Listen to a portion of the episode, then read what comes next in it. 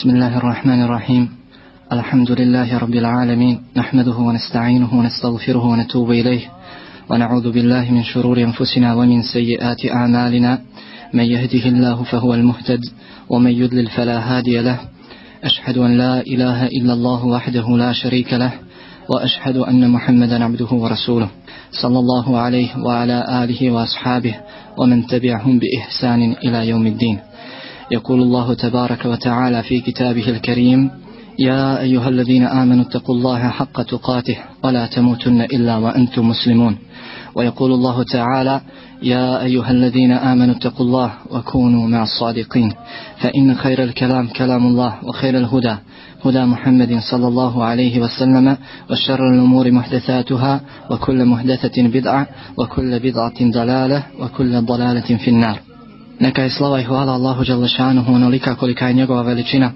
i koliko samo njemu Subhanahu wa ta'ala dolikuje. Svjedočimo da nema drugog istinskog Boga dostojnog obožavanja osim Allaha Đalešanuhu. Neka je salavat i salam na Muhammeda Mustafa alaihi salatu wa salam, na njegovu časnu porodicu, ashabe i sve one koji slijede jedinu ispravnu i jedinu priznatu vjeru kod Allaha Đalešanuhu sve do sudnjeg dana. Dakle, govorit ćemo danas, inša Allahu ta'ala, onoliko koliko nam uzvišeni Allah dozvoli o nama i našim roditeljima, odnosno o našem odnosu prema našim roditeljima. Mislim da onaj koji posluša ovo kratko obraćanje, posluša kur'anske ajete i hadite Allahovog poslanika, alihi salatu wasalam, kazivanja iz prvih generacija i kazivanja iz naše stvarnosti, uzme pouku iz svega toga, nadamo se da će čvrsto odlučiti da nikada više ne bude nepokoran svojim roditeljima. Nadamo se da ćemo čvrsto odlučiti da se nikada više ne vratimo ovom velikom grijehu, grijehu koji po svojoj težini dolazi odmah poslije širka, poslije pripisivanja, druga Allahu Đelešanuhu. Nakon što je upitan poslanik sallallahu alaihi wasallame o najdražim dijelima Allahu Đelešanuhu, rekao je namaz u njegovo vrijeme, zatim dobročinstvo prema roditeljima, a zatim borba na Allahovom putu, tako da iz ovog hadisa vidimo da je dobročinstvo prema roditeljima bolje i vrijednije kod Allaha Đelešanuhu od džihada, borbe na njegovom putu. Čovjek iz Jemena tavafio je oko Kabe, Nosio je svoju majku na svojim leđima. Nosio je svoju staru majku na svojim leđima. Tavafio je s njom tako oko kabe. Ko je od nas to uradio? Ko je od nas makar zamislio da to uradi? Nosi svoju majku na leđima i tavafi oko kabe. Da li smo stigli do ovog stepena dobročinstva prema našim roditeljima? Da li smo stigli do ovog stepena ljubavi prema njima? Vidio je taj čovjek Abdullaha ibn Umara radijallahu ta'ala anhuma pa ga pita O sine Umarov, O sine Omerov, da li sam se ovim odužio za sve što je moja majka učinila prema meni? Šta kaže Ibn Omer? Kaže Ibn Omer, radi Allahu ta'ala anhuma, ne, nisi se odužio ni za jedan njen uzdah dok te je rađala. Nisi se odužio ni za jedan njen uzdah dok te je rađala. Što god radili moj brate, plemeni taj cijena sestro, nećemo dostići ispuniti njihovo pravo, pravo naših roditelja koje imaju kod nas. Poslušaj, dragi moj brate, plementa i cijena sestru, sljedeću priču i molim vas da okrenite svoja srca, da pažljivo slušate i gledate jeste li i vi isti kao i ovaj čovjek. Ovu priču ispričao je jedan od zlatara. Kaže, Fred Bajram, u moju radnju ušao je čovjek sa svojom ženom, a iza njega došla je starica noseći u svome naručju malo dijete. Vjerovatno, od ovog čovjeka Sinčića. Ovaj čovjek zajedno sa ženom kupovao je zlato, ogrlice, narukvice, prstenje. Kada je kupio sve što je htio, sve to što je on odabrao od zlata, dostavio je meni kako bi mu ja izračunao koliko sve to košta i kako bi mu dostavio račun. Kada sam izračunao i rekao da sve to košta 20.000 i stotinu rijala, upitao je odakle ovi stotinu rejala. Odakle ovi stotinu rejala, mi smo dobro izračunali da sve to košta 20.000 rejala. Odakle ovi stotinu rejala, kaže ovaj zlatar, tvoja stara majka koja se nalazi za tvojih leđa, uzela je prsten koji košta stotinu rejala. La ilaha illallah. Prilazi ovaj čovjek, sin, svojoj staroj majci, uzima prsten s njene ruke kojeg je stara majka već bila stavila na svoj prst, skida prstin s njenog prsta i baca ga ovom zlataru i kaže El ađaj zulej se lehune zaheb. Za stare nije zlato, za starice nije zlato. Kada je to vidjela stara majka, izašla je iz zlatare iz ove radnje plačući. Vratila se za njom njena snaha i rekla uzmi sve što je tvoj sin kupio meni, zlato, narukvice, prstenje, uzmi sve, šta kaže stara majka. Ja znam dobro da zlato nije za stare, da zlato nije za starice i ne želim prsten, niti želim bilo kakvo zlato. Walakinni aratu an afraha bil idi kama jafrahun nas. Walakinni aratu an afraha bil idi kama jafrahun nas. Ali sam željela da se radujem Bajramu, kao što to čini svi drugi ljudi. Ali sam željela da se radujem Bajramu kao što se raduju Bajramu svi drugi ljudi. Kaže Allah dželle šanehu: "Wa qada rabbuka alla ta'budu illa iyyah wa bil walidayni ihsana imma yablughanna 'indaka al-kibra ahaduhuma ahaduhuma aw kilahuma fala taqul lahumā uff" فلا تقل لهما أف ولا تنهرهما وقل لهما قولا كريما واخفض لهما جناح الذل من الرحمة وكن رب ارحمهما كما رب يعني صغيرا kao što stoji u prijevodu značenja gospodar tvoj zapovjeda da se samo njemu klanjate i da roditeljima dobročinstvo činite kad jedno od njih dvoje ili oboje ko tebe starost dožive, ne reci im ni uh, i ne podvikni na njih i obraćaj im se riječima poštovanja punim. Budi prema njima pažljiv i ponizan i reci, gospodaru moj, smiluj im se, oni su mene kad sam bio dijete njegovali. Koliko i koliko, dragi moj brate, plementa i cijena sestro, ima ljudi koji daju veću prednost svojim ženama nego svojim majkama. Dolazi kući s poklonima, majka gleda nada se tim poklonima, pita svojim očima za koga su ovi pokloni, oni su za ženu.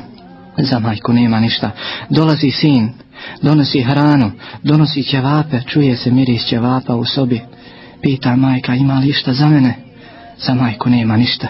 Sin ulazi u sobu i zatvara vrata, a majka sve to posmatra, odlazi majka u svoju sobu, razlama svoju staru pogaču, od dva, tri dana, i umače je u svoje suze koje kipte iz njeno lice gdje je majčino pravo zar si zaboravio majku kupuješ svojoj ženi odjeću skupocijeni namještaj zlato bisere gdje je majka zar si je zaboravio odakle to poznaješ svoju ženu Allaho robe od kada je poznaješ koliko dugo je ona tebe usluživala trčala oko tebe činila ti dobročinstvo ne zaboravimo brate moj ne zaboravimo brate moj da su naše majke činile nam dobro da su nam činile dobro čak i prije našeg dolaska na ovaj svijet. Zar smo to zaboravili, brace moj, čim smo se oženili? Zar smo to zaboravili, brate moj, čim smo se oženili? Koliko i koliko ljudi putuju sa svojim ženama, sa svojom porodicom, idu na izlete, izlaze u prirodu, ali nikada nisu svojim majkama rekli, majko moja, majčice moja, želiš li da ideš s nama? Hoćeš li da putuješ s nama? Nikada, nego kaže, majka nas samo zamara, dosadna je, ne mogu se upustiti sa svojom ženom kada je majka s nama u društvu, kaže Ibn Abbas radijallahu ta'ala anhuma, ali kome kaže, Kaže Ibn Abbas, ja ne znam ni jedno dijelo da više približava Allahu Đalešanuhu od dobročinstva prema roditeljima.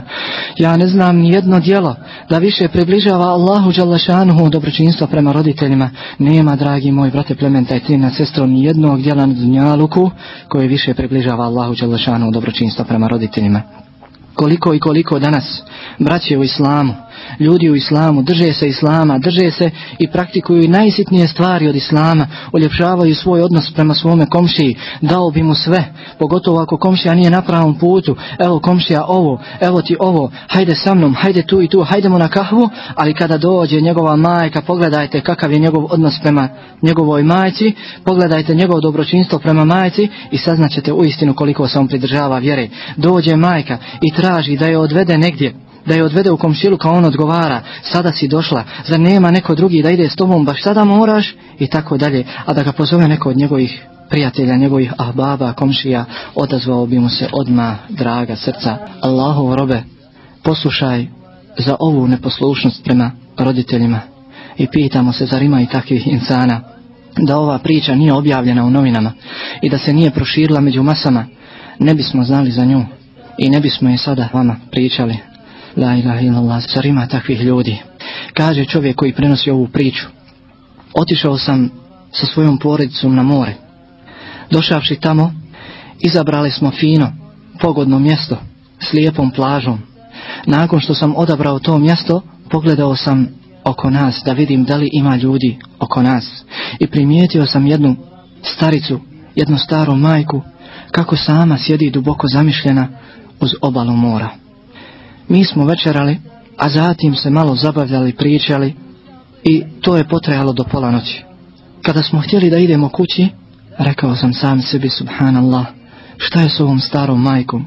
Sjedjela je sama, niko joj se nije približavao.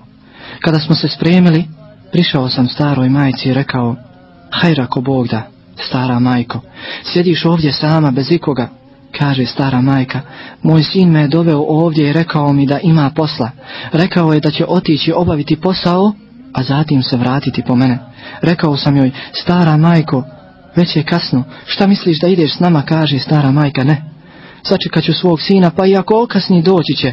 Ali majko, prekasno je, ovdje više nema nikoga, kaže majka, doći će, ako okasni doći će, sačekat ću ga. Dao mi je ovaj papir da ga čuvam kod sebe, da ga držim dok on ne dođe dok se ne vrati. Kakav papir? Šta je na njemu? Starica nije znala da čita, bila je nepismena. Uzeo je ovaj čovjek koji nam prenosi ovu priču papir i pročitao ono što je bilo napisano na njemu. Znaš li, dragi moj brate, šta je pisalo na tom papiru? Njen sin napisao je na listu papira. Nadam se, nadam se da će onaj ko ovo pročita uzeti i odvesti ovu staricu u dom staraca.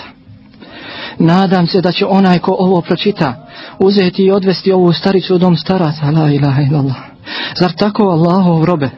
Zar tako Allahu robe sa svojom majkom koja te je nosila, koja te je rodila, hranila, odgajala, a njeno zdravlje sve to trpilo? Zar tako s majkom muslimankom?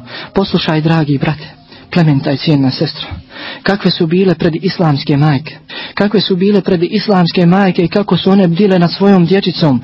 Pogledajte njihovu ljubav, Pa zamislite šta je tek onda s našim majkama, muslimankama, a mi se tako neodgovorno ponašamo prema njima. Jedan predislamski pjesnik spominje u svojoj kasidi slučaj mladića, čija je glavna briga bila Dunjaluk. Nalazio je zadovoljstvo o skupljanju imetka.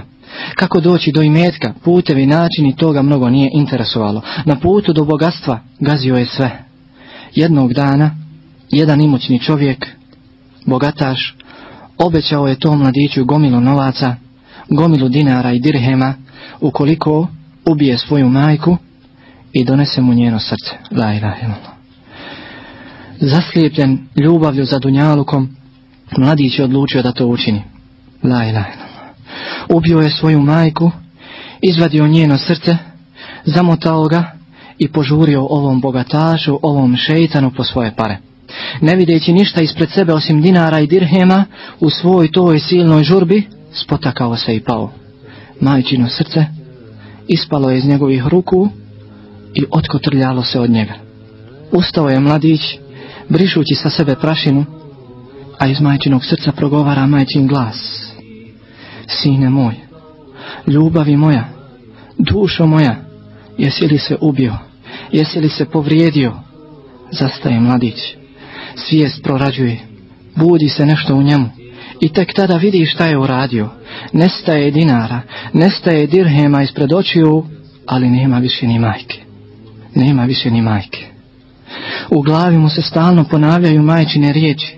Sine moj, dušo moja, jesi li se povrijedio? Vadi mladići za pojasa nož i odlučuje da i sebe ubije. Nije mogao da živi i nosi sa sobom grijeh koji je učinio ali iz majčinog srca ponovo porogovara majčin glas. Sine moj, ljubavi moja, dušo moja, ne ubijaj sebe kada si već mene ubio, ne ubijaj me dva puta. Sine moj, ljubavi moja, dušo moja, ne ubijaj sebe kada si već mene ubio, ne ubijaj me dva puta, laj, laj. وقد ربك ألا تعبدوا إلا إياه وبالوالدين إحسانا Gospodar tvoj zapovjeda da se samo njemu klanjate i da roditeljima dobročinstvo činite. Je li to dobročinstvo koje nam naređuje naš uzvišeni gospodar? Je li to dobročinstvo ostavljanje svojih roditelja u domovima za stare i znemogle?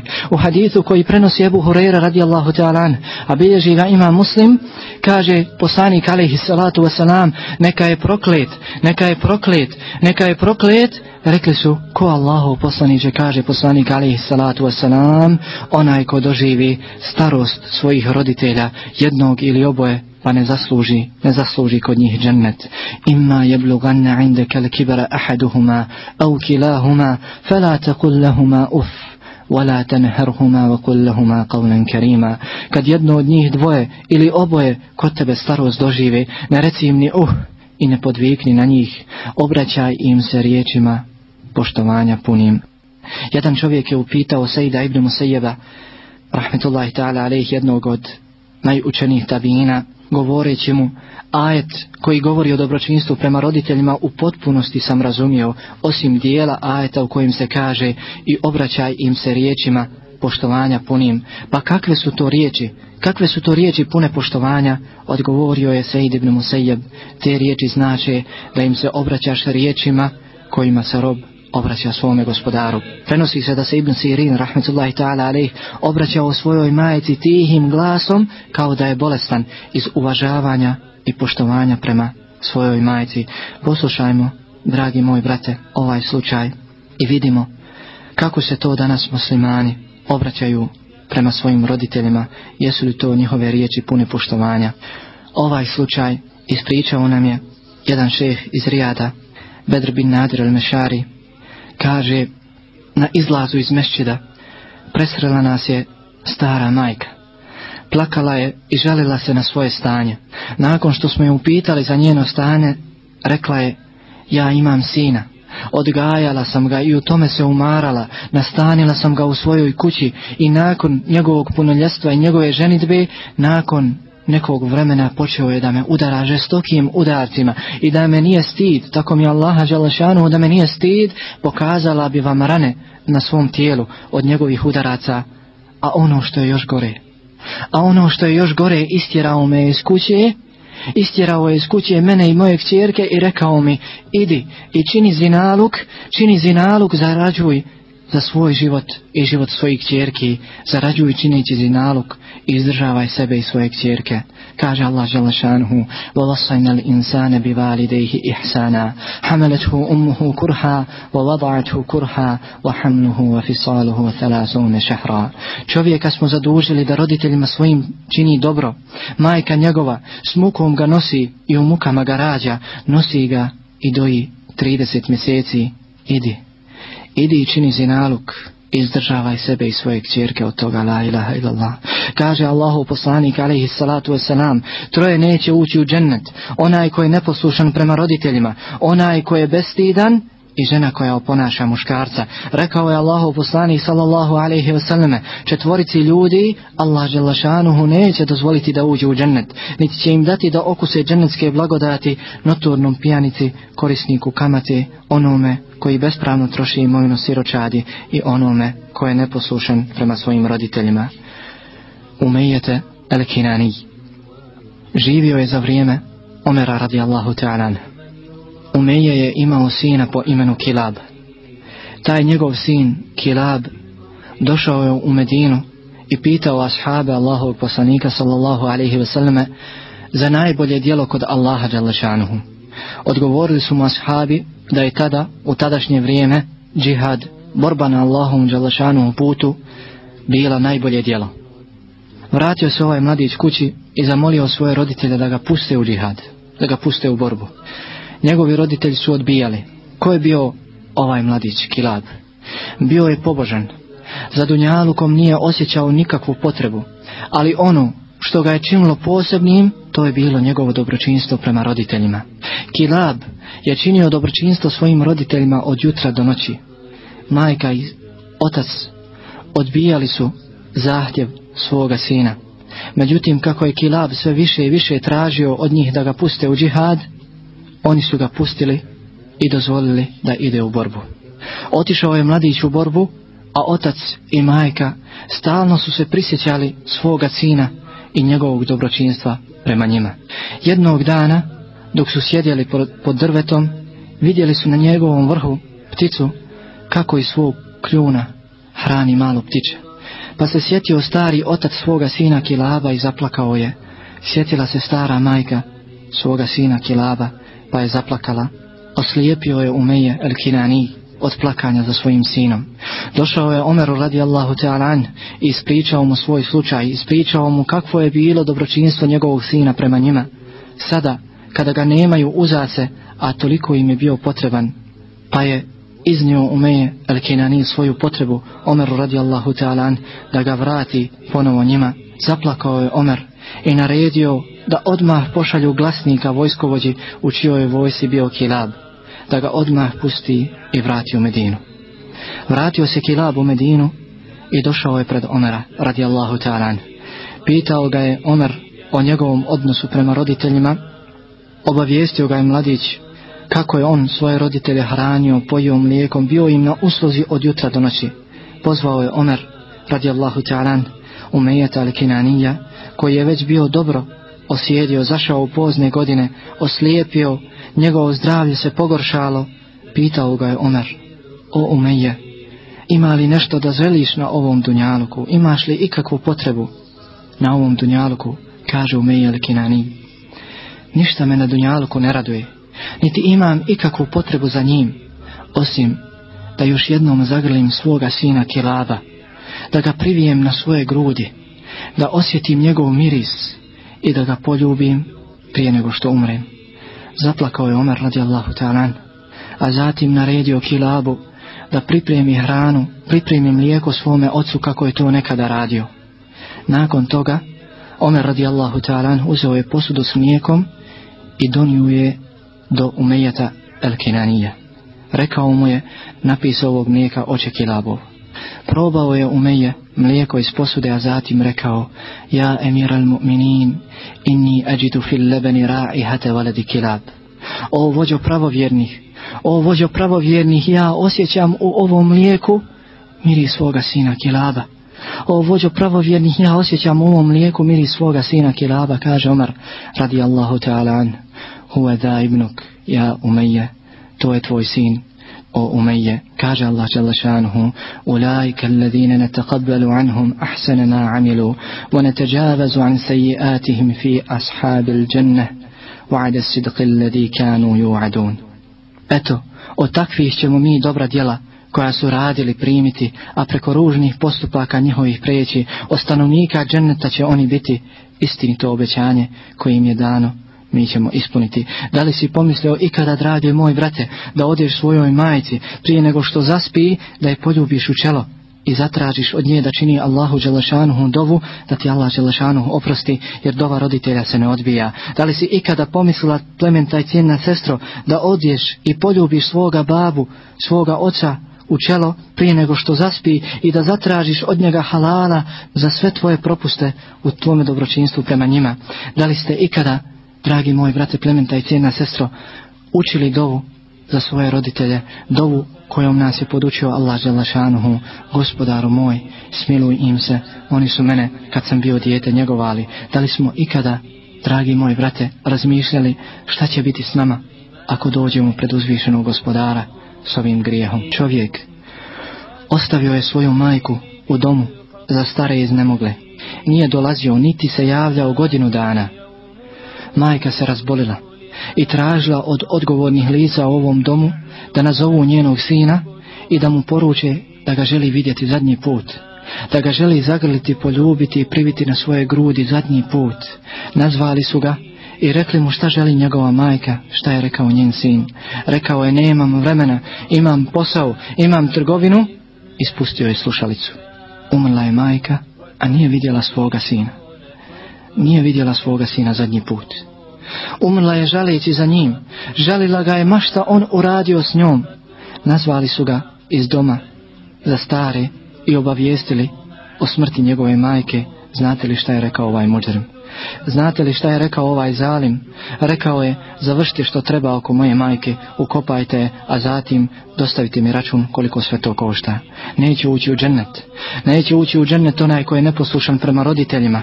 Pogledajmo, dragi moji brate, naše ispravne prethodnike, kakvi su oni bili prema svojim roditeljima. Ebu Hureyre radijallahu ta'alan sreo je jednog mladića sa starim čovjekom, pa ga je upitao ko ti je ovo, kaže mladić, ovo je moj otac.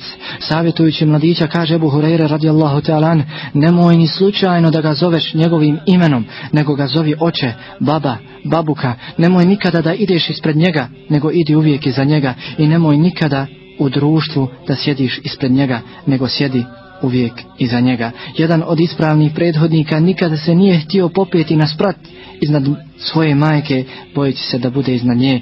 Drugi nikada nije jeo s majkom iz iste posude, bojeći se da on ne posegne za komadom, za zalogajem hrane koji je već prije njegova majka namiravala da uzme. Pogledajte, dragi moj brate, plemente, cina, sestro, dokle su stigli u dobročinstvu prema svojim roditeljima.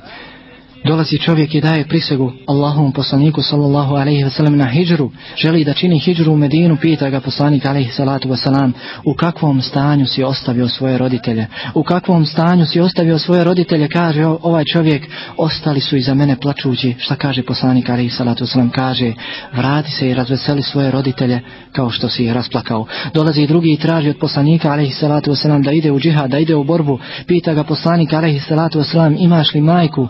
Kaže, kaže da. Želiš li nagradu i oprostit Allaha Đelešanu, pita poslanik. Kaže ovaj čovjek svakako Allahu poslaniće. Ko ne želi nagradu i džennet od Allaha Đelešanu, kaže poslanik ali i salatu wasalam. Drži se majčinih nogu. Drži se majčinih nogu, postići ćeš džennet.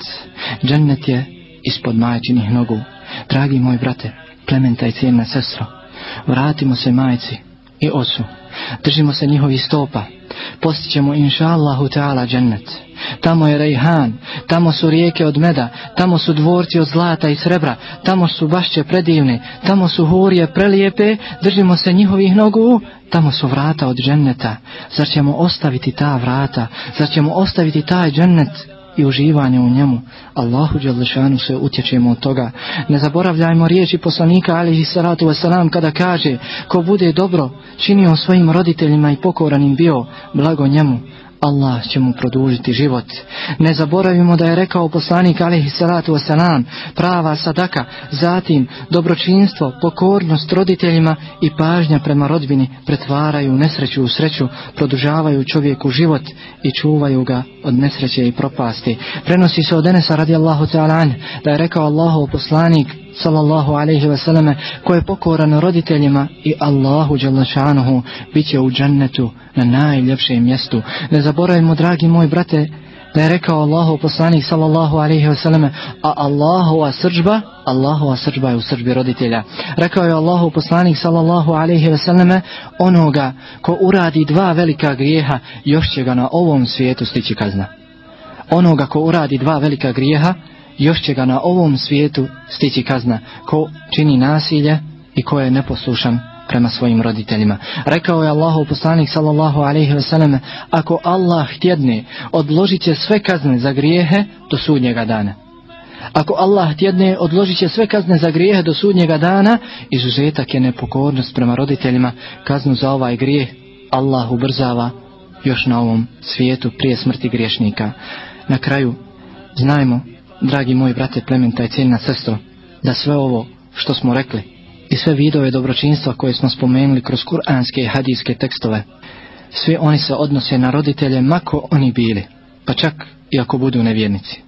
Prenosi se od Alije radi Allahu ta'ala da je rekao Allahu poslanik sallallahu alaihi wasallam, niko nema prava, niko nema prava da bude izuzet u trima dužnostima, u dobročinstvu prema roditeljima, bili oni muslimani ili nemuslimani. Niko nema prava da bude izuzet u trima dužnostima, u dobročinstvu prema roditeljima, bili oni muslimani ili nemuslimani. U ispunjenju obećanja obaveze bilo prema muslimanu ili nemuslimanu i povjerenu stvar, emanet, sačuvati i predati vlasniku, bio on musliman ili nemusliman.